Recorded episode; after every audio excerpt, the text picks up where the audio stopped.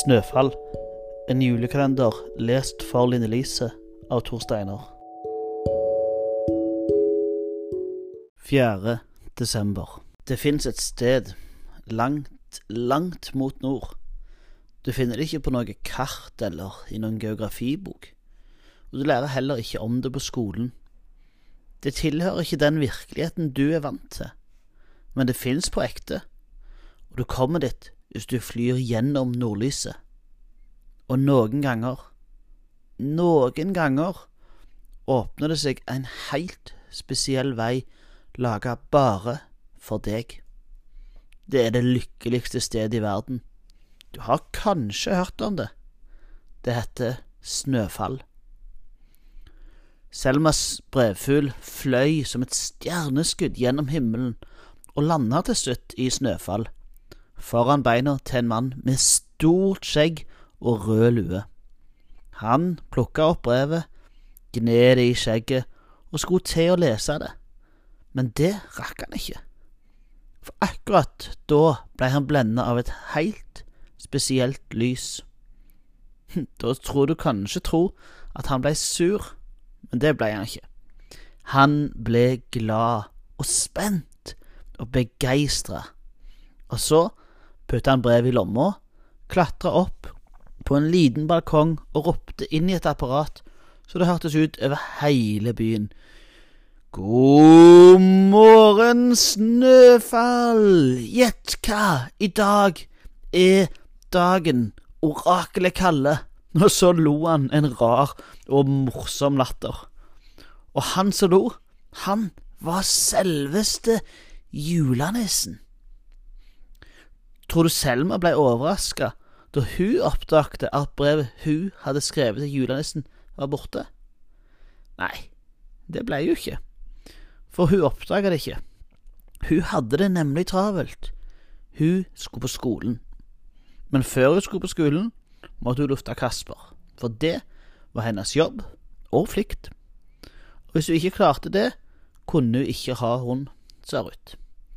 Så derfor greip Selma halsbåndet til Kasper og løp ned trappa fra leiligheten uten å tenke på ønskebrev eller familie eller noe som helst. Det vet jeg fordi jeg så det sjøl. Fordi jeg sto og venta på å ekskortere henne til skolen som vanlig. Og det sa jeg til henne. Her står jeg og venter på deg, sa jeg da Selma kom styrtende ut av oppgangen.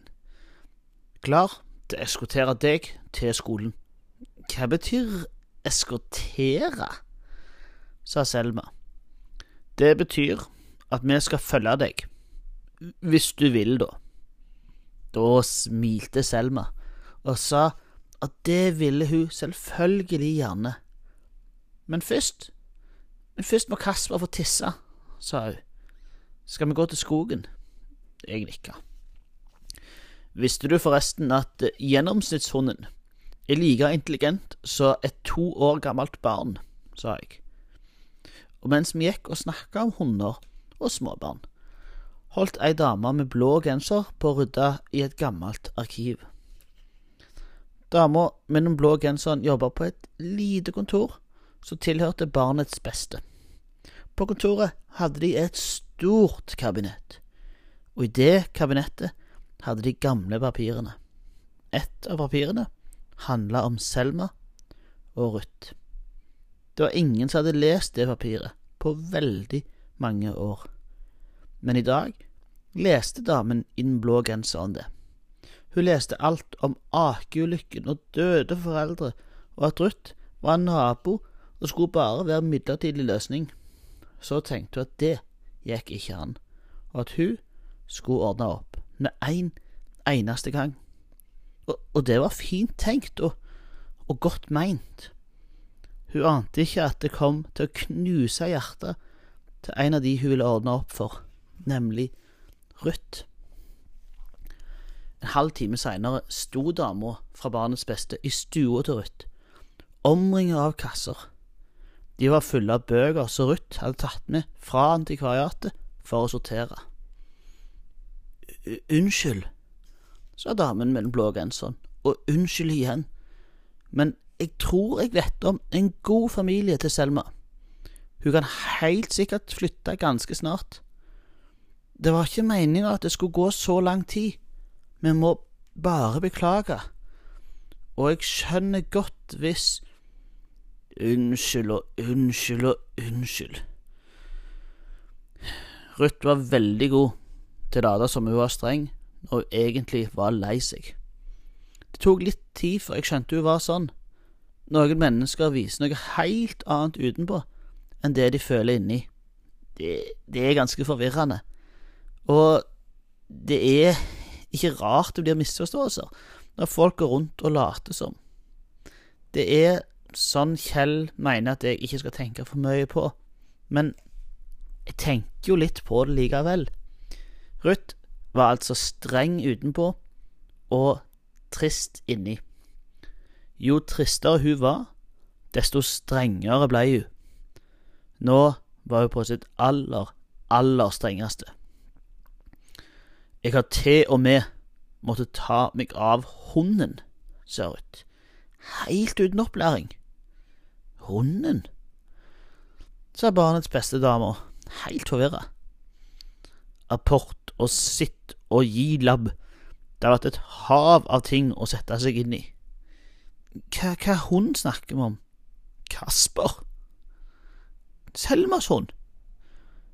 Har Selma en hund? Ja visst. Og du kan fortelle den gode, nye familien deres at jeg forventer at de følger opp arbeidet jeg faktisk har starta. Jeg, jeg vet faktisk ikke om det er greit med hund i den nye familien, sa barnets bestedamen. Hva? sa Ruth. Det, det må jeg undersøke, jeg kan nok ikke love noe. Da ble Ruth så lei seg at hun ble helt rød på halsen, så dama med den blå genseren unnskyldte en gang til, og så gikk hun. Jeg burde så klart ha vært der da Selma møtte dama fra Barnets Beste den morgenen.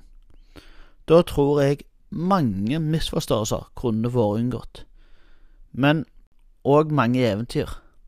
Så da var det kanskje fint at jeg var på vei hjem etter sekken min, da dama med den blå genseren støtte på Selma og Kasper utenfor blokka. Hun skjønte godt hvem de var, for Selma hadde akkurat kasta en pinne. Kasper! ropte Selma. Kasper! Og da kom han løpende, i full fart, og dama, fra barnets beste, var veldig glad i hunder spesielt søte hunder som Kasper. Så hun klarte ikke å la være å sette seg ned på huk og klappe han.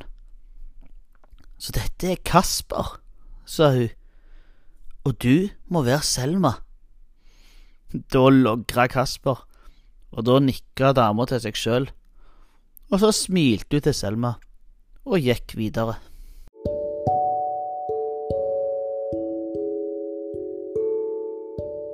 Følg med i morgen for neste episode.